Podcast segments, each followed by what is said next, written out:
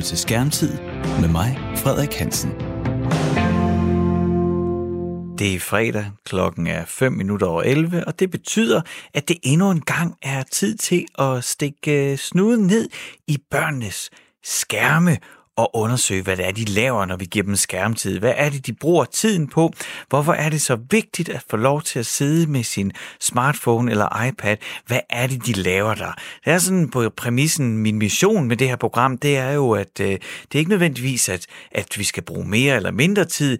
Jeg er bare opsat på, at vi forældre, bedsteforældre, pædagoger, læger, alle også her i samfundet, at vi på en eller anden måde Øh, får skærpet og øget vores bevidsthed om, hvad det er, børnene de laver, når de hele tiden er øh, sidder med en iPad eller en øh, smartphone i hånden. Hvad er det, de laver på skærmene, og hvilken betydning har det øh, for vores familieliv, for vores skoleliv, arbejdsliv og for vores samfund generelt? Det er det, jeg gerne vil debattere her. Du lytter til Radio 4. De sidste par skærmtidsudsendelser har øh, beskæftiget mig med, hvad man kan gøre, hvad man skal gøre, hvad man bør gøre, øh, når ens børn kommer og spørger, om de må få deres egen profil på de sociale medier. Øh, det har vi diskuteret og behandlet, og jeg har talt med forældre, som har været meget restriktive og sagt, det kommer ikke til at ske, før de fylder 13. Jeg har også talt med forældre, som øh, øh, tillad, har tilladt det ved 10-11 års alderen og sagt, det er noget, vi finder ud af sammen. Jeg har også talt med eksperter, som siger, jamen man kan godt gå efter 13-årsreglen, men man måske i virkeligheden skal man som forældre vurdere, øh, hvor modne ens børn er, eller om de er klar, øh, og så handler det jo i høj grad også om den kontekst, børnene er i, den verden, børnene lever i. Er alle de andre det også? Ikke at det nødvendigvis er et argument, at så skal man også, bare fordi alle de andre gør, men omvendt, så kan jeg jo også godt øh, relatere til, tænk at skulle være den eneste i klassen, der ikke var til stede øh, på et givet socialt medie man kunne argumentere for, og det har forældre her i programmet, at det giver karakter øh, og styr, karakter styrke, at man ligesom er den eneste, og så må man lære at navigere i det. Øh, på den anden side, så har jeg det også sådan, det virker også lidt rigidt at så skulle holde sine børn væk fra noget, hvor alle de andre er på. Men det er noget, vi hver især må, må finde ud af ja, som forældre. Det er også derfor, jeg bruger energi på det her i skærmtid, sådan at man kan lytte til andre forældres overvejelser, som er i samme situation. Og vi bliver øh, ved vores børn og de sociale medier, men også en lille smule med os selv, fordi det er jo os voksne, der viser eksemplet, det er os, de kigger på, og vi, i hvert fald mange, øh, jeg selv, er til stede på de sociale medier og skal ind og følge med, og har også lyst til at følge med. Øh, så derfor så taler vi om det begreb i dag, der hedder FOMO, Fear of Missing Out, altså angsten for at gå glip af noget. Det er noget, mange voksne, mange forældre kan genkende, og det er jo også noget, vores børn skal lære at takle.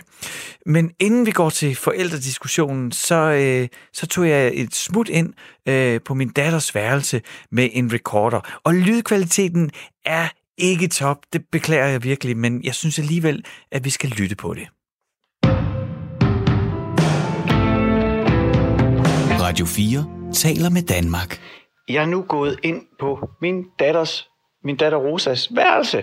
Hun er i gang med at øh, rydde lidt op, tror jeg, og bytte lidt rundt på, hvor tingene skal være og hvor tingene skal hænge.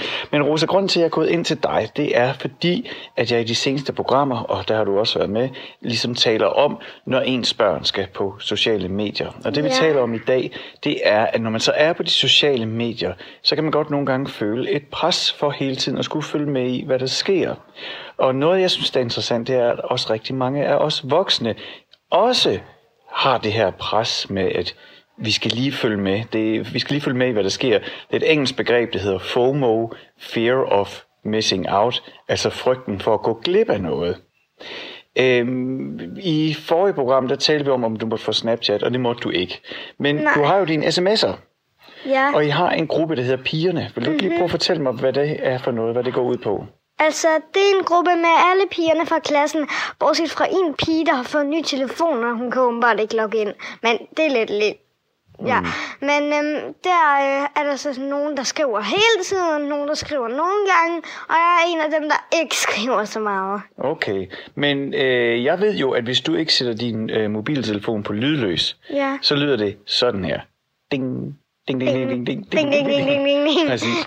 Der kommer beskeder hele tiden. Mit Ja. gæt vil være, at der er over 100 beskeder om dagen. Det tror jeg. Jeg, Uh, tror ja, jeg faktisk, tjekkede i dag um, 96. 96 i dag, da du tjekkede sidst, og Uh, dagen ja, halv tre. ja, halv tre, ikke? Og de dag- begynder at sms omkring halv otte om morgenen. og hvor, hvor lang tid bliver det ved? Også, og, også om aftenen? Um, uh, jeg er sådan cirka ud til 9-tiden. Mm. Okay, så det vil sige, at sådan midtvejs i dag, da du tjekkede, der var den på 96. Så Ja. må den ikke den når et par hundrede i løbet af aftenen. Nej, du skal, hvis du jo, ikke men vise- jeg vil lige uh, Ja, okay. tjekke igen. Um, okay, hvor er jeg? Så Ja. i dag har det været... I dag har det været... Lad mig se. Du, du, du, du, du. Hvor mange er den oppe på? Og det er du i gang med lige nu, da du har taget din telefon, og du åbner den. 123. 123 er der oppe på. Men, men det, som jeg lige skal have dig til at fortælle mig om, Rosa, hvis du lige kunne komme tilbage hertil, det er, øh, tjekker du så alle beskeder hver dag? Øh, nej. Øh, jeg tjekker et par gange om dagen, men det er ikke sådan, jeg læser dem alle sammen. Øh, men nogen, øh, og det vi snakker om i dag, det er også især nogle voksne, også både børn og voksne, har jo et behov for at hele tiden vide, øh, hvad der sker, så man ikke går glip af noget. Når du så ikke læser alle beskederne, er du ikke bange for at gå glip af noget? Nej, ikke specielt. Mm, Er der sket nogle gange, at du er gået glip af noget, fordi du ikke læser alle beskederne? Nej, ikke rigtigt. Mm. Bortset fra, at de havde et FaceTime-opkald, som jeg gik glip af. Okay. Øhm, og du skal ikke øh, hænge nogen ud eller sige nogen navne, men er det din fornemmelse, at der er nogen, der er mere aktive og også følger mere med, end du gør? Ja, mange. Okay. Altså, jeg føler, at de alle sammen følger mere med, end jeg gør. Det er mest mig og Vianna, som er en fra min klasse, mm. Som ikke følger helt så meget med. Okay. Men Vianna følger mere med end mig. Jeg tror, jeg er den, der følger mindst med. Men hvordan kan det være, at du er den, der følger mindst med? Altså, jeg tror aldrig, jeg har været totalt meget øhm, inde ved det der pigefællesskab -agtige. Altså, Okay. det er ikke sådan, at jeg ikke har nogen venner eller Nej, et eller andet. Jeg er bare ikke så opsat på hele tiden at være inde i det der. Og sådan, hey, hvad laver I? Hey, hvad laver I? Mm, okay. Altså, jeg skriver jo en sms en gang imellem, ja. men ikke så tit. Og igen, uden at skulle nævne navne, har du en fornemmelse af, at, at der er nogle piger i det fællesskab, som har et større behov for at vide, hvad der sker hele tiden så? Jeg føler ikke, der er nogen, der har et behov for at vide, hvad der sker hele tiden. Men der er et par stykker, der skriver meget. Okay, og det som jeg selvfølgelig er optaget af i dag, det er egentlig ikke måske så meget behovet for at skrive og dele, men behovet for at vide, hvad der sker.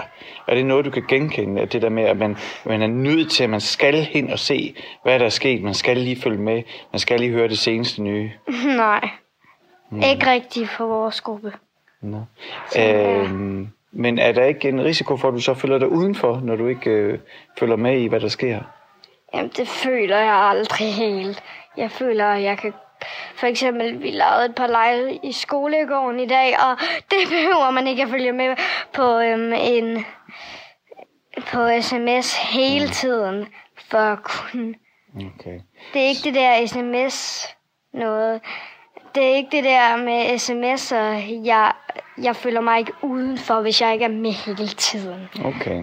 For en gang skyld i mit program i dag, vi i programmet Skærmtid, ved du, der, der, der fokuserer vi på børn og unge, og, og især børns mediebrug. Øh, I dag, der kigger jeg også lidt på de voksne, øh, fordi at der er sådan en ting, man siger, øh, øh, du, ved, du skal ikke gøre, som jeg gør, øh, du skal gøre, som jeg siger.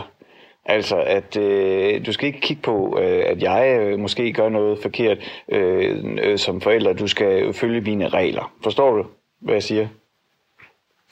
Nej. Nå, jamen, det er jo egentlig også, det er også underordnet. Øh, Det, det, som jeg egentlig vil frem til, det er, at øh, I børn, I kigger jo på os forældre. Altså, vi forældre sætter jo et eksempel for jer børn. Øhm, hvis du tænker på dine forældre og de andre forældre, du, du, du kender... øh, Altså dig. Ja, mig, altså, og din mor, Ja. men også dine venners forældre. Hvis du sådan lige tænker på dem, hvordan vil du karakterisere deres forhold til deres mobiltelefoner? Synes du, de voksne der omkring dig bruger deres telefoner for meget? Jeg synes, du bruger din telefon hele tiden. Er det rigtigt? Ja, nærmest. Ja. Men mest din computer. Ja. Altså, når vi ikke sidder og spiser, så synes jeg nærmest, du bruger den hele tiden, med mindre om aftenen, når vi nogle gange spiller et spil. Nå, jamen, altså, men du tænker ikke, det er, fordi jeg sidder og arbejder. Altså, jeg, jeg, jeg tænker det der med at være på sociale medier. Nå, eller nej, nej, ikke sådan noget. Jeg tænker, at du hele tiden sidder med den. Mm. Men mest når- fordi du arbejder og sådan. Mm. Men det er selvfølgelig, der er man selvfølgelig heller ikke til stede. Men, men oplever du de voksne, du ser, øh, oplever du dem som værende meget i deres telefoner? Om, altså, øh, er det noget, du oplever? Det er ikke rigtig noget, jeg tænker over. Nå. Jeg tænker ikke over det i hverdagen. Jeg tænker nogle gange over det, men ikke sådan. Du tænker nogle gange, at du synes, jeg er for meget på telefonen. Ja, nogle gange, men det er altså ikke særlig tit. Så det er ikke noget, der generer dig. Nej. Okay, Rosa, tak fordi jeg måtte øh, besøge dig her på dit værelse, og du lige kunne, øh, kunne hjælpe os øh, til at blive en lille smule klogere på, hvordan det er at være barn. Du lytter til Radio 4.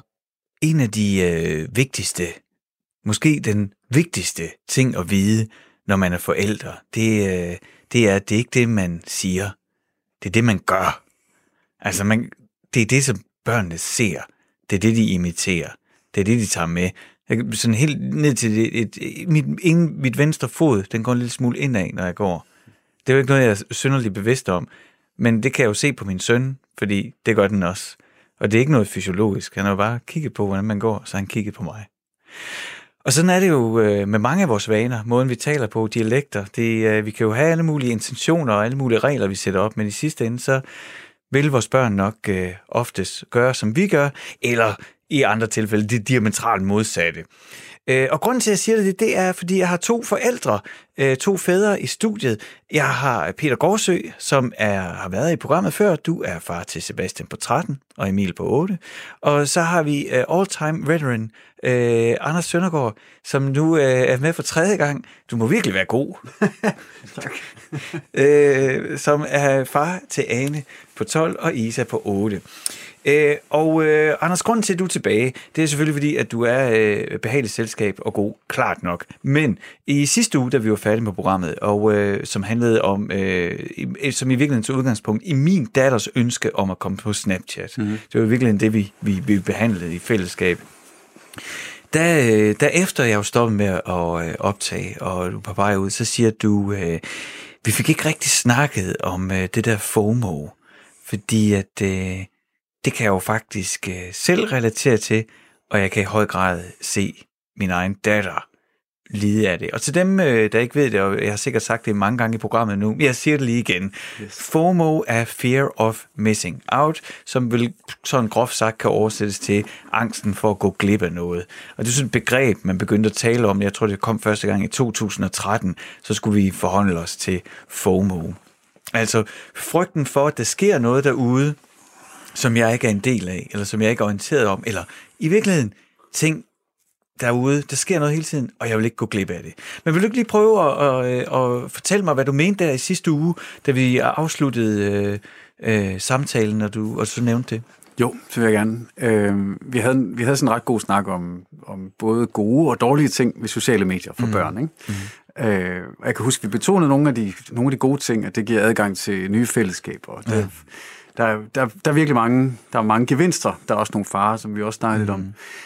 Øh, men hvis der er noget, jeg opfatter som øh, problematisk for mig selv og for mit barn, øh, så er det faktisk, at, øh, det, at, at jeg oplever, at det giver adgang til en hel masse viden om, hvad alle andre mennesker gør. Ja. Så man har en lille smule svært ved at have en realistisk forventning til, hvad ens eget liv det kan. Mm. Øhm, Vil du prøve at uddybe, hvad du mener? Ja, jeg kan tage udgangspunkt i mig selv, eller jeg kan tage udgangspunkt i mit barn. Øh, øh, hvis, måske faktisk, hvis jeg lige får lov at lige starte med mig selv, Ja. øh, så oplever jeg, at øh, altså, den her tur rundt på forskellige sociale medier er super givende. Det er vildt interessant, men det giver mig også, øh, hvis jeg skal være helt ærlig, sådan en fornemmelse af, at øh, der var en masse andre ting, jeg kunne have gjort. Mm. Om det så var i aften, eller om det var i sidste uge, eller om det var med mit liv i det hele taget. Ja. Øhm, og det, øh, så jeg kan mærke, at det sådan, øh, mangel på bedre ord, sådan inde og, og nogle gange lige ryste mig en lille smule sådan Ja. et fundament, ikke? Øh, Så bare og- lige så jeg forstår det, så, så det at du ligesom kan gå på de her forskellige øh, sociale medier, og, og grunden til, at vi taler om dig, det er jo netop det, jeg siger, det der, gør ikke, som jeg siger, mm. men gør, som jeg gør. Ikke? Vores, vores børn vil i høj grad spejle deres online adfærd i os, eller ønsker, eller hvad det driver dem, øh, tror jeg godt, man kan forvente. Og, og det du oplever, det er, at når du går på de her platforme, så bliver du konfronteret med så mange input fra forskellige liv, og nogen, der gør noget, og nu er jeg på vej derhen, eller jeg har lige købt det her surfboard, eller jeg øh, skal på det her efter, eller nu fl- flytter hele familien til Sibirien, vi ses om et år. Alle de ting, som alle de andre gør, som du ikke gør. Yes, du siger det meget præcist. Ja, mm. fuldstændig. Og det, øh, det kan godt være en lille smule udfordrende for, øh, for min egen, sådan, min hjerne. Mm-hmm. Og, øh, og grund til, at jeg sagde det sidste gang, det er, fordi jeg oplever faktisk, øh, at jeg kan se det øh, i mit barn også. Ja. Øh, og der kommer det sådan til udtryk i, øh, i øh, altså, jeg tror, vi, vi snakkede om det sidste gang, blandt andet også, øh, at pludselig har man adgang til at se, hvad de andre børn de laver, når ja. man er gået i seng. Ja, ja. Øh, eller øh, man kan se, at der opstår nogle gruppedannelser, som man ikke selv er en del af, mm. øh, og som man i en altså en helt almindelig børnetilværelse bare ikke nødvendigvis vil være en del af, men fordi det pludselig bliver, pludselig bliver eksponeret for en, så oplever man det faktisk som et nederlag, eller som noget, der er svært at håndtere, og, ja. og, og kommer til at føle sig udenfor eller ekskluderet. Men, men, men altså, mm. din datter er 12, ikke? så hun banker også sådan på til det der teenage-liv. Ja. Og hvis der er noget, jeg kan huske, er fra Horsens, det tror jeg, jeg har afsløret et par gange, og der begyndte festlivet der omkring 13-14 år, og det var jo også med alkohol og sådan nogle ting. Men noget, jeg synes, som jeg godt kan genkende, jeg synes, der var hårdt i den alder, det var de der mandagssnakke. Ja. Altså, hvor hvem havde været hos hvem, eller hvem havde holdt en fest. Og, og det var lidt mærkeligt, fordi det var egentlig ikke, fordi jeg havde helt meget lyst til at være med til de fester, men det var samtidig også hårdt mm-hmm. at høre om de fester, jeg ikke har været med til. Mm-hmm. Er det lidt det også? Ja, det, ja, det synes jeg virkelig godt eksempel på det. Øhm, og, og altså, nu handler det jo ikke om fester for os. Nej. Det, handler om, øh, det handler om sociale relationer. Ikke? Altså, det er jo de der år, sådan har jeg i hvert fald oplevet det, altså fra, fra, øh, fra 10 til 10-12 års alderen, hvor det for alvor begynder at handle om sociale relationer frem for leg. Og, ja. øh, og, øh, og det er jo der, hvor, alt, hvor, hvor det formes, og hvor ens identitet øh, i relation til andre også formes. Ikke? Ja. Og der er, øh, der er de ting, der foregik i weekenden, de er jo pludselig, de er jo pludselig eksponeret for en lige med det samme. Ikke? Hele tiden også. Ja. Og, og det er jo også det der, øh, jeg, elsker det der begreb, øh, legeaftaler. Men mm. altså for eksempel i min, øh, i, altså min min datter har den her sms-gruppe, der hedder Pigerne, for hun er kun 10, og der er ikke rigtig, hun siger, de alle sammen er, men nu har jeg fundet ud af, at det er de ikke. Så, mm-hmm. så de har de der sms'er, de bruger, ikke? og så er der nogen, der er på nogle andre medier. Men, men det er basically det. Men det er jo også der, hvor du så også, altså, hvor nogle piger også kan skrive til hinanden omkring det, de har sammen, mm-hmm. øh, hvor alle de andre piger, der følger med, jo så har fornemmelsen af, åh oh, gud, det har jeg ikke. Mm-hmm. Ja. Er det sådan nogle ting, du oplever også? Ja, det er det. Øh, og nogle gange, altså, nogle gange meget udtalt, og nogle gange meget subtilt. Ikke? Mm. Altså, øh, og, øh, og hvor alvorligt det er, eller hvor svært det er, eller hvor i hvor høj grad det adskiller sig fra, hvordan det var for 20 år siden, det er jeg faktisk ikke helt klar over det. Mm. Jeg er klar over, men jeg, men jeg kan, jeg kan sådan fornemme, at der hele tiden er noget på spil der, mm. øh, som er lidt svært at navigere i, når man er 12 år gammel. Ja. Og det kan jeg godt forstå, for det er også svært at navigere i, når man er 41. Ja. Øh. Jo, men, øh, øh, og det leder mig hen til min næste spørgsmål, og det er nemlig fordi, at øh, her tidligere i programmet talte med min datter omkring den her sms-gruppe mm-hmm. pigerne, fordi at jeg, altså, der kommer over 100 beskeder om dagen, ikke? Og, og det lyder mange, men i al ærlighed, så er de jo så også otte piger på gruppen, så altså, man skal jo ikke sende mere. Hvis, hvis alle bidrager med 10, så er vi hurtigt ved at være deroppe af. Mm. Men stadigvæk, det er jo, jeg har ikke sådan en gruppe. Altså, anyway. Øhm, jeg tog en snak med hende, og, og hendes egen sådan refleksion omkring det, det er, at, det, at hun har ikke behov for at læse det hele. Og det betyder ikke så meget for hende. Og så siger hun også samtidig, men jeg er heller ikke sådan, så meget en del af de pigegrupper og det. Og det må jeg så også sige, at jeg kender hende jo ret godt. Det er hun heller ikke. Mm. Så, jeg, så jeg tror egentlig, det er derfor, det ikke tynger. Men hvis hun var, så tror jeg, det ville fylde meget mere. Mm. Hvordan er det hjemme ved jer? Øhm, det er... Jeg vil, jeg vil tro, det ligger sådan et, lidt, lidt, lidt midt imellem. Ikke? Oh ja, altså, okay. jeg har en datter, som er, som er, sådan, øh, som er god til at være alene, mm-hmm. og god til at, at beskæftige sig selv, og også er rigtig god til at være social. Øh, men nogle gange har jeg lidt svært ved at finde balancen øh, ja. mellem de der to ting. Og har også jo lige nu travlt med at finde ud af, hvad er det egentlig for en, hvad er det for en vennegruppe, hun hører til, eller hvad mm. er det for en måde, man gerne vil være ja, på, og hvem, hvem er det, der ligner der ja, ligner præcis. mig i det der. Ikke? Ja. Øhm, så der bliver arbejdet sådan mentalt på højtryk, oplever jeg, for at finde ud af det.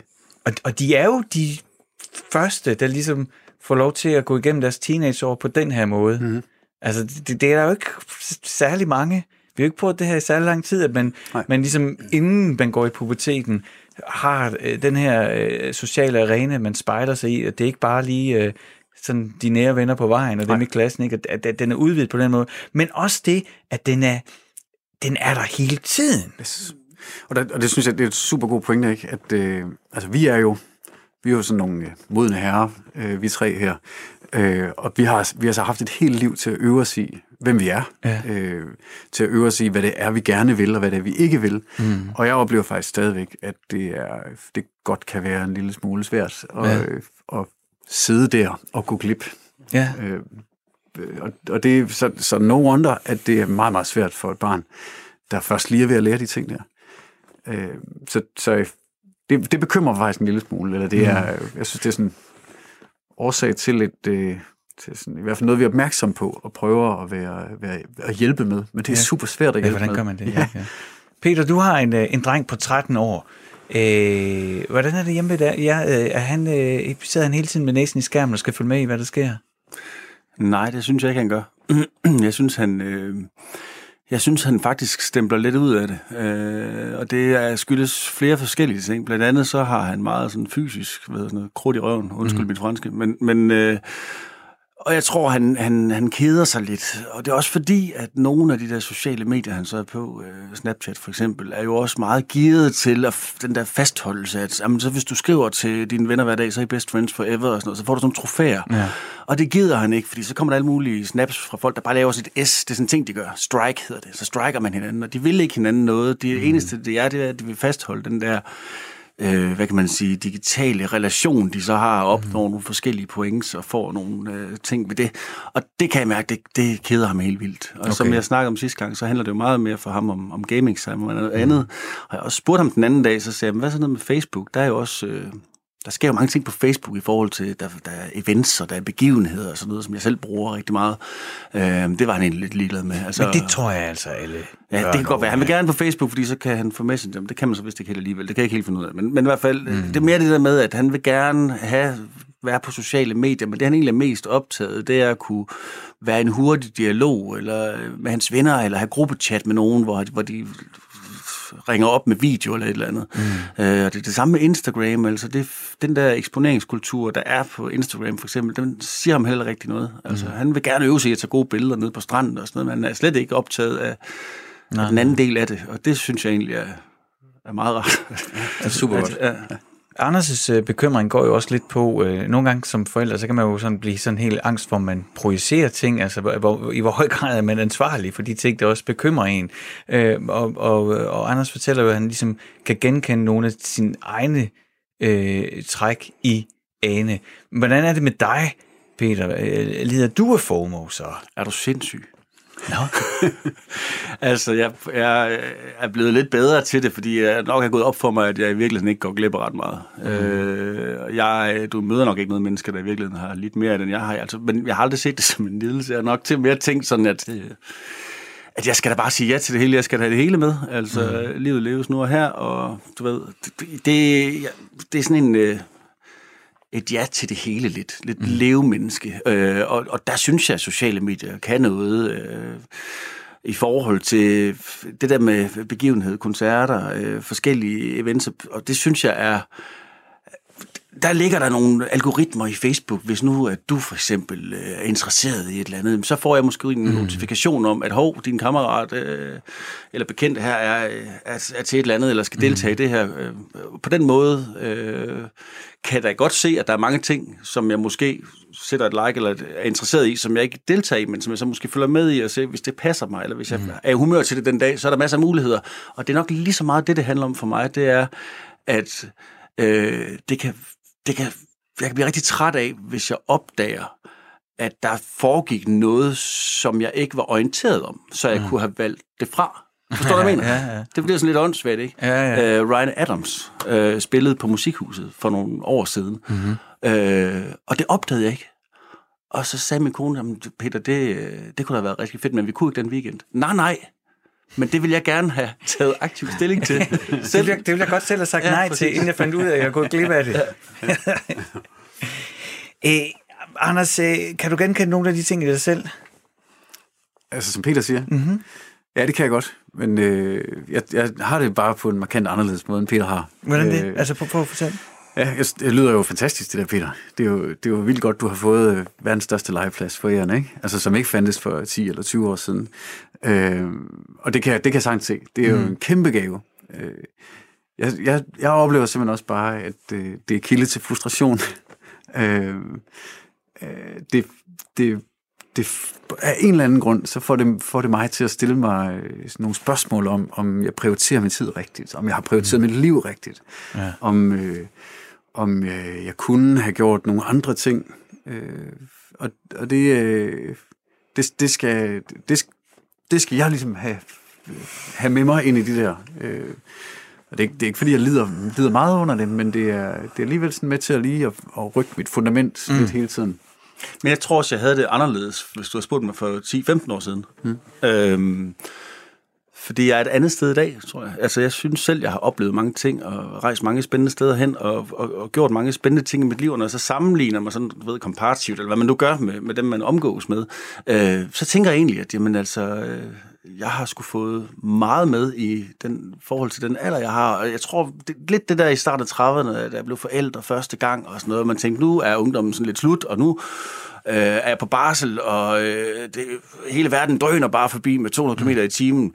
Der kunne jeg godt have det lidt sådan, øh, wow, øh, er det rigtigt, eller er det rigtige sted lige nu? Øh, super glad for at blive forældre, men, men, men det bliver virkelig også tydeligt, hvor meget der så foregår ved siden af det. Mm. Øh, den boble, man jo er i, når man er nybagt forældre, og 30'erne lige er startet, men sådan ved at blive rigtig voksen og alle de der ting. Øh, der har det meget mere afslappet i dag. Øh, Det, det synes jeg, det lyder, øh, det, det lyder som noget, jeg rigtig godt gad at have det sådan, Peter. Jeg, jeg kan nok i højere grad genkende de følelser, du har, Anders. Jeg, altså, hvis jeg øh, sådan, tror jeg, skrev ned alle de ting, jeg har i mit liv, ikke? Så burde jeg jo bare, jeg burde jo bare være taknemmelig. Mm. Men det er, det, er, det er sådan evig kiggen over skulderen efter det er ikke engang optimering. Prøv jeg, jeg, jeg har svært ved at sætte ord på, men jeg kan genkende det der med, du ved, nå okay, nu øh, skal han øh, øh, til Colombia og instruere den film, og mm, okay, ja, okay, 44 år, det når jeg nok måske så ikke lige, men måske, fordi det er jo, vi er jo så samtidig også måske de mest privilegerede mennesker nogensinde, at det er ikke slut for mig endnu. Altså, selvom det traditionelt set vil være, men der er der en mulighed for, at jeg stadigvæk kan nå den ting. Men så er der alle mulige andre ting, øh, jeg gerne vil have. Øh, og jeg skal også have taget hul på den skateboard-karriere på et eller andet tidspunkt. Jeg synes, det er en god alder at gå i gang med. Ej, det er det er selvfølgelig lidt fis, ikke? Men det er mere det der med, jeg har så mange muligheder. Mm. Og jeg synes, at de muligheder, jeg har, som jeg ikke udnytter, det overskygger hele tiden. Altså, det jeg egentlig ja. har. Og jeg har det jo ret godt, i hvert fald på papiret.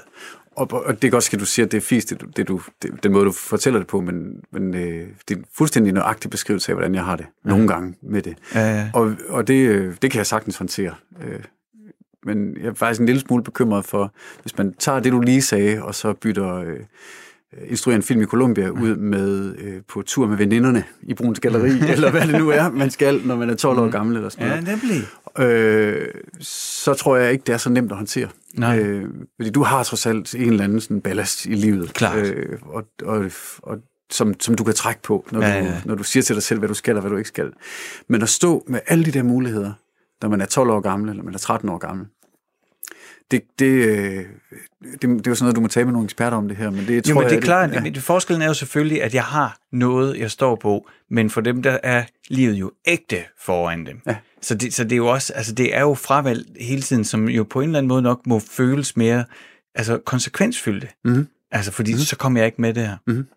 Men øh, som sagt i skærmtid i dag, normalt så beskæftiger vi os udelukkende med børn, men i dag der kigger vi lidt på os selv, mm-hmm. øh, ud fra det der, øh, gør ikke som jeg, eller altså, de ender jo, selvom vi siger, at de skal gøre, som, som vi siger, så ender de nok med at gøre, som vi gør. Øh, og til research til programmet, øh, så øh, har jeg fundet en artikel, som er syv trin til, at øh, der kan hjælpe os lidt på vej til ikke at være så angste for at gå glip af noget. Peter, du er foran os. Du virker sådan rolig og afklaret. Jeg er også lidt ældre jo. ja, det, det er marginalt. øh, så Anders, måske det er dig, der skal lytte mere efter. Mm-hmm, øh, så her kommer råd nummer et. Køb en dagbog, Anders. Det er et dårligt råd, synes jeg. Mm. Altså, jeg kan jo godt forstå det. Jeg kan godt forstå, hey, kig indad, begynd at skrive ned. Åh, men altså, sandsynligheden for, at jeg køber en dagbog og begynder at skrive i den. Ja. Er risikoen ikke også, at man så skriver alle de ting ned, man egentlig gerne vil have oplevet og bruge tid på det? Jeg, men jeg, jeg, jeg tror jo, jeg, jeg, ej, det er jo også unfair, at jeg gør det på den måde, for jeg synes jo, det er et super godt råd. Og det er jo øvrigt noget, jeg råder øh, min, egen, øh, min datter til. Mm-hmm. Altså, og siger, hey, det vil være godt, ikke? Men, men jeg har det lidt ligesom det der, jeg ved jo godt, hvad jeg skal spise for at være sund, og jeg ved jo godt, hvor meget jeg skal træne for at få større muskler, men jeg gør det jo ikke.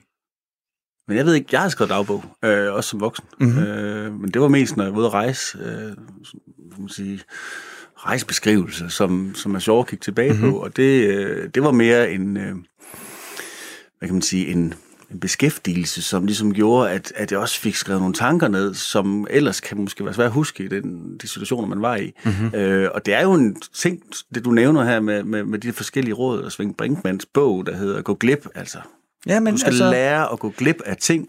Og den fik jeg i julegave for to år siden. Øh, jeg gik ned og byttede den mm-hmm. to dage efter, fordi at, at, at jeg, har ikke, jeg har ikke lyst til at gå glip af noget. Der er ikke nogen, der skal fortælle mig, at jeg skal gå glip af noget. Det vil jeg gerne selv have lov styre.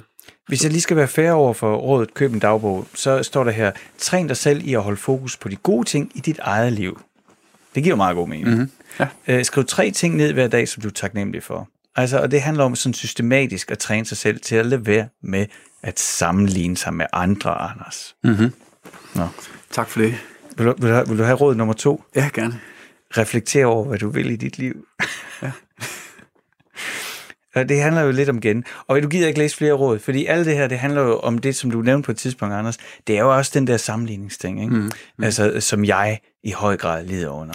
Ja. Øh, og, og, og, og Peter, du, du sagde det der med alder, nu er du lige marginalt ældre, men, men det er jo også en frygtelig ting, øh, som, øh, som jeg ikke kan se, min far nogensinde har gjort, men som jeg har gjort hele mit liv, mm. det er, hvor gammel er jeg nu i forhold til, hvad burde jeg opnå? Mm. Og, og det der, øh, det interessante, i hvert fald fra mit liv, kan jeg jo mærke, at øh, alt det der, det forsvinder, når jeg holder ferie, slukker min telefon, ja. og, øh, og, og bliver optaget af de ting, der er lige nærheden af mig. Lige præcis. Så, altså, og det kan jo så være, at det er en anden version af at skrive dagbog, eller sætte pris på det, man har i nærheden. Ikke?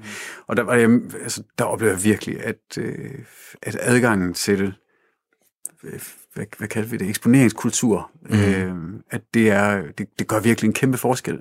Altså hvis der bliver slukket, hvis man øver sig i at bare at være her, nu og her, ja. så, øh, så, så giver det i hvert fald en pause for det der. Ikke? Peter? Men jeg har det faktisk lidt omvendt. Øh, at det er faktisk lidt i sammenligningen, at jeg bliver klar over, hvor godt jeg har det. Det rigtigt? Og hvor meget jeg egentlig ikke øh, går glip af noget. Forstår du, hvad jeg mener? At, at, Nej.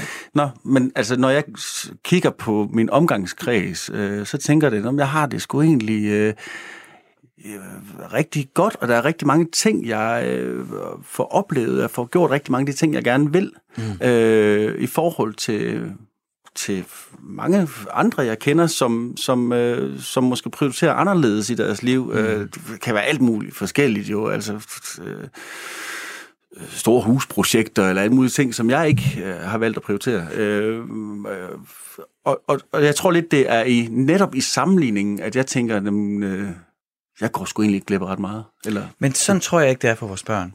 Og øh, hvis man er øh, stillet ind på, på programmet, og man sidder og lytter og tænker, hvorfor skal jeg høre øh, på sådan nogle midalderne mænd øh, sidde og, øh, og pille sig selv i navlen, så er det simpelthen fordi, at i programmet i dag, der tager vi udgangspunkt i os selv, og det, vi, øh, det vores børn spejler, os i, øh, spejler sig i. Øh, og det, som vi måske også øh, mere eller mindre øh, ubevidst øh, projicerer øh, på vores egen børn af bekymringer og, øh, øh, og idéer om verden. Øh, vi taler i dag om øh, det her med, øh, vi har talt i dag om det her med øh, angsten for at gå glip af noget. Øh, Peter, du siger, at øh, det kan du godt genkende, men du føler egentlig ikke, at, at det der, altså det der med at, at se på andre, det er sådan på den måde, sådan rykker ved din grundeksistens eller opfattelsen af det. Og jeg tror, øh, jeg kan i hvert fald genkende, Anders, øh, mange ting med selv, du siger det der med, jeg går, når man scroller gennem feedet, og den har gjort det, og det er det, Jesus, og så er det også det, og, og jeg er ikke nået til den der aktieportefølje endnu, ikke at man nødvendigvis skal have sådan en, men det er jeg i hvert fald ikke nået til, og, og de der ting, altså for mig er den der spejling i de sociale medier nok i høj grad en konstant reminder om, hvad jeg ikke har nået endnu. Mm. Mm. Jamen, og, og det tror jeg, grunden til, at vi taler om det her, og vi piller os selv i navlen, det er, at det tror jeg er meget sandsynligt, at hvis man er 12 eller 13, og ligesom har det som et, kig ind i den verden der omkring en, og det spejl, man har af, af sine jævnaldrende, så er det let at komme til at føle sig sådan. Ja, men for mig handler det også om parametre.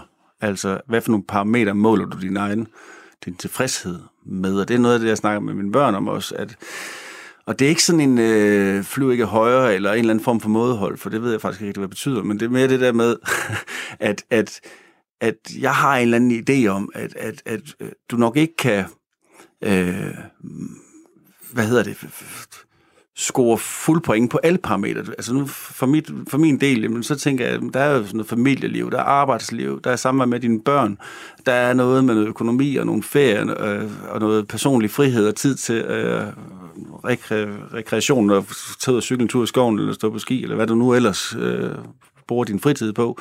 Øh, og, og du kan ikke... Jeg, jeg har sådan en eller anden øh, lommefilosofi om, at hvis du skruer op for det ene, så bliver du nødt til at skrue lidt ned for noget af det andet. Mm. Du kan ikke skrue op for det hele samtidigt. Ja. Og den prøver jeg at leve lidt efter. Mm. Øh, hvis, jeg skal, hvis jeg skal avancere på mit arbejde og have, have, have flere udfordringer, så skal jeg arbejde mere. Så er der måske mindre tid til familien. Mm. Skal jeg have mere tid sammen til familien, så, med familien, så, så må jeg skrue ned for mit arbejde.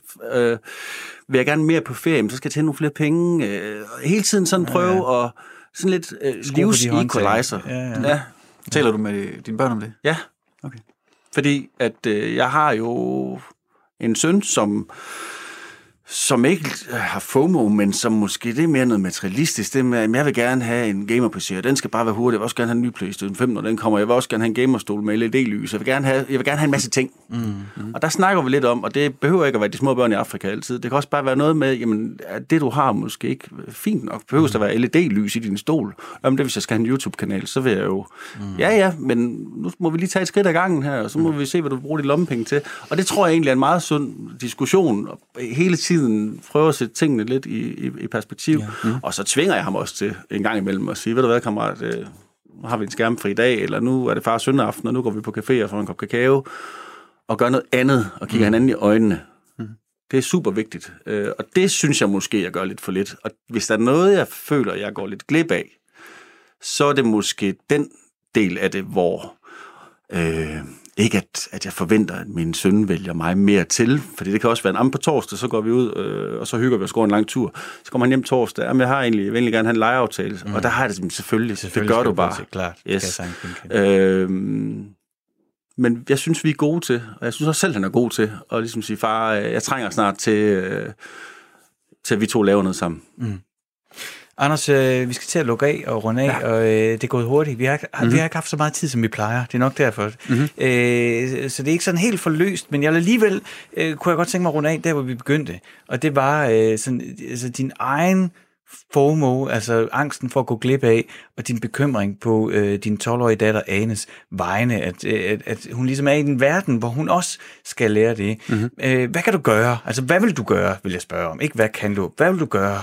Ja, det er et super godt spørgsmål. Altså nu sad jeg lige og lyttede til det, Peter sagde, som jeg synes er faktisk meget god pointe. Altså at have, have en tydelig, åben snak om, at, øh, at øh, alting ikke kan lade sig gøre på én gang. Ja. Øh, og at der er sådan, altså, at man må konfigurere sit liv på en måde, hvor, hvor øh, man vælger nogle ting til, og de også betyder, at man vælger nogle ting fra, og, mm. det, og det er helt okay. Øh, det, det er super sådan vagt svar på Nej, det der. det synes jeg. Jeg, jeg, synes, jeg, jeg lytter også til det, Peter siger, og, ja. og hvis man sådan i musikverdenen, der arbejder man med et værktøj, der hedder en equalizer. Og hvis man ligesom har prøvet nogle gange at sætte sin radio, dengang man kunne det på en frekvens, hvor der ikke var noget, så siger det det er hvid støj. Det er, når der er lyd på alle frekvenser. Ikke? Og så kommer man ind med en equalizer, så kan man ligesom justere, skrue ned for nogle ting og prioritere nogle andre ting. Og det var egentlig lidt det, jeg hørte Peter sige, at, mm. at hvis man skruer op for den ene frekvens, jamen så bliver du nødt til lige at, at, at skrue ned mm. på den anden. Mm. Det kunne man vel godt tage en snak om. Helt klart, helt klart. Men ellers så stiller du mig faktisk et, øh, et spørgsmål, som jeg ikke ved, hvordan jeg skal svare på. Nej.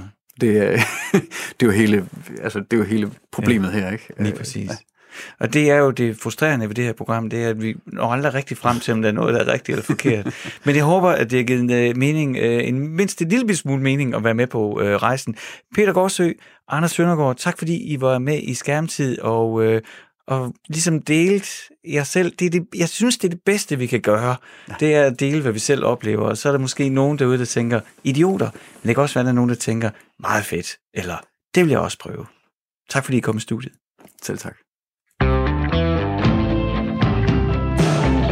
Lytter til Skærmtid med mig, Frederik Hansen. Jeg har nu ringet til øh, Jonas Ravn, som er seniorrådgiver i Center for Digital Pædagogik, og du ved en masse om børn og børn på sociale medier. I dag i øh, Skærmtid, øh, undskyld, jeg skal skynde mig at sige velkommen til Skærmtid, Jonas. Tak for det. Tak, tak. Den her følelse, det der med at, at være bange for at gå glip af noget, har jo også det her, øh, den her engelske øh, betegnelse FOMO, Fear of Missing Out. Øhm, er, yeah. det, er, det, er, er det noget, du oplever, som, altså, som, er, som kan være en drivkraft for, at vores børn måske nogle gange kommer for tidligt i gang med sociale medier? Eller kan man ikke sige det på den måde? Jo, det kan man godt. Altså, det er jo en meget populær betegnelse, FOMO, mm. øh, og det er sådan en, vi har accepteret som en betegnelse for den stressfølelse, øh, som det kan give, hvis man netop har en fornemmelse af, at alle andre deler en masse fede ting, som jeg så ikke får at se, fordi jeg ikke er der. Mm. Eller det her med, at man skal leve op til hinanden sådan meget udadvendte posts og sådan noget. Mm. Øhm, og, og, og, og det, det er jo noget, som, som fylder meget i nogle sammenhænge, øh, og i særlig grad i de der teenageår, hvor man rigtig gerne vil spejle sig i andre. Så når ja. man har børn, der er sådan en 10, 11, 12 år, som, som tweens der, ikke, så de, mm. står de med foden ind i nogle teenageår, hvor det bliver meget, meget vigtigt. Øh, hele tiden at have en fornemmelse af, hvordan øh, vennerne, de viser sig selv, og hvad de deler og sådan noget. Det er en del af ens identitetsarbejde lige over der, så det fylder rigtig, rigtig meget, i særlig grad i de der tidlige ungdomsår der. Mm. Øh, så det er bestemt en følelse, jeg kan genkende rigtig meget. Ja. Det er også som ligesom, om... Der er også modreaktioner. Altså, det skal man også huske, at der er også dem, der siger, det, det gider jeg ikke. Altså, det kræver nogle stærke, stærke hjerne, det der med at sige fra. Men, mm. men det, det ser jeg jo heldigvis også, at der er masser af unge, der, der, der fortæller noget om, øh, hvor de ikke gider at være, i, i hvilket mm. omfang de gider at være der. Men, men kan du prøve at hjælpe mig med at forstå, øh, hvorfor at hun oplever det sådan? Altså, hvorfor er det så... Øh, det, det opleves, som jeg, når jeg kigger på hende, så virker det som meget afgørende for hende, at hun kan få lov til at være på Snapchat. Hvorfor er det så vigtigt?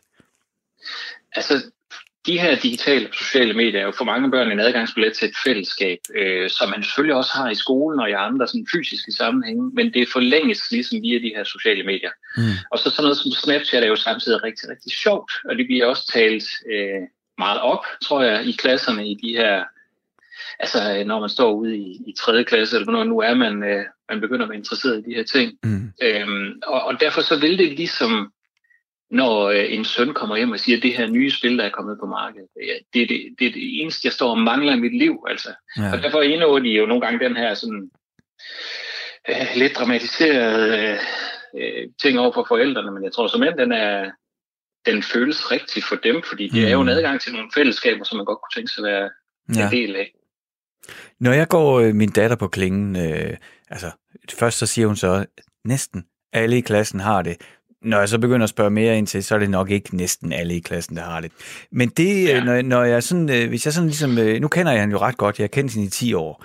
Øh, hvis jeg sådan ja. ligesom skal analysere på, hvad, hvad det er, øh, jeg fornemmer, så er det, at hun er bange for at gå glip af noget? Ja, øh, og det tror jeg også, det er til en vis grænse. Man kan sige, at dem, der starter på Snapchat, er også, øh, altså har også en fornemmelse af, at Snapchat er enormt sjovt, bare alene på grund af det, man kan med billeder og, videoer og sådan noget derinde. Mm. Men det er måske følelsen af det her med, at der kan være nogle samtaler eller nogle sjove billeder af veninderne, øh, som vi har delt, som man så går glip af, fordi mm. man ikke kan være der. Og det er en ret stærk følelse, den der gå glip af følelse. Det er ikke nødvendigvis dominerende hos alle børn, men det kan godt være en, der, der driver de her ting frem. Det kan i hvert fald være noget, der bekymrer mig som forælder, hvis jeg ligesom giver efter, at altså, øh, altså, man kan jo ikke være med til alting. Man kan jo ikke følge med i det hele. Det kan man ikke. Øh, og, og det er, øh, jeg, jeg tror, det var ham, Vincent Hendricks, der sagde, den informationsstrøm, der er øh, for sådan noget som sociale medier, er jo ligesom at forsøge at tage en, en lille tår vand af en brandhane. Ja. At det vælter bare ud i hovedet, og vi er nødt til alle sammen, børn som voksne, at mm. lære, at vi kommer til at gå glip af noget. Mm. At der vil være information, som ryger vores hoved forbi. Og sådan er det bare. Og det er jo så del af den aftale, man må lave med barnet og sige, det er okay, at du kommer på her. Jeg ved, fra medier fra alle mulige andre steder, det kan komme til at tage rigtig, rigtig meget tid, og vi har måske også stadigvæk et behov for at være lidt sammen med dig, selvom du gerne vil være mm. sammen med dine veninder fra sofaen også. Øh, så det kommer vi til at måske at have nogle regler eller nogle aftaler om også. Mm. Og det er jo en del af, af det her lave almindelige aftaler i familien om, hvornår man er nærværende og til stede i det, man er til stede mm. i. Men, men Jonas, jeg ved jo godt, øh, hvordan man laver sund og nærende mad, der er fiberrig. Øh, men det er jo ikke ens betydende med, at det er det, mine børn får. Altså i går fik vi pizza, ikke? fordi jeg havde simpelthen ikke overskud ja. til andet. Så der er, der, er også, der er også grænser for min kapacitet. Jeg, jeg, jeg kommer til at lyde så ynkelig, men, men der er jo bare nogle gange, hvor ideen om, hvad man skal være, og hvad man selv synes, man bør være som forældre, ikke helt matcher med, hvad man reelt kan levere en onsdag, hvor der var et møde, der trak ud, og man kom i børnehaven i sidste øjeblik, og der skal også laves mad, og man orker faktisk ingenting. Præcis. Sådan er livet jo, øh, som du selv siger, og nogle gange så, øh, så tænker jeg også, at vi kommer til at have en masse bekymringer, som ikke nødvendigvis bliver fuldt helt til døren i forhold til det her. Altså, det her med, at deres brug af Snapchat altid skal være overvåget osv. Altså man må jo besøge det en gang imellem og så sige, Nå, hvem har du egentlig øh, på din liste herinde? Eller hvem chatter du egentlig mest med? Hvad for nogle grupper er du så en del af? Mm. Øh, og så tage snakken en gang imellem. Man behøver ikke gøre det hver dag, ligesom man heller ikke behøver at servere broccoli hver eneste dag. Nej. For et eller andet. Ja. Det, det, det er, jeg kan, jeg kan, altså, øh, og jeg har lovet øh, min datter, jeg øh, skal forsøge at udstille hende så lidt som muligt. Så, øh, men, men det er jo bare svært, når man har hende så tæt på, og jeg ligesom ser det her. Ikke? Altså, du ved, lige pludselig så kan jeg se nede fra hendes værelse, så kan jeg høre, at hun er i gang med at optage en video. Altså, øh, hun har ikke nogen kanaler endnu, så hun leger jo bare det, hun ser. Men jeg kan simpelthen høre hende tale på den der YouTube-agtige måde. Så nu er jeg lige i gang med at lave et øh, eksperiment. Altså, det er da meget sjovt, den afsmitning, det der den anden vej. Er det noget, vi skal bekymre os for, tænker du? Nej, der er jo noget, øh, der er også noget rolleleje i det, som har været til alle tider, at man forsøger at mime dem, man er fan af. Altså det, mm. det har sket til alle tider på forskellige måder. Ja, okay. Den her med at optage det og stille en telefon og så prøve at, at lave det ligesom dem, det er jo simpelthen bare ligesom man altid har gjort, og lade sig inspirere af nogen, som man synes er fede. Mm. Noget af det, som er interessant i forhold til YouTube, noget, det er jo det her øjenhøjde-princip, altså hvor man nu måske tidligere har haft sådan et voksenfilter på rigtig meget af det, de, det børn ser, så er der nu sådan et øjenhøjde-princip med, at du en 10-årig kan følge en 10-årig, der laver videoer, ja. og, og få det fuldstændig sådan nærmest uredigeret.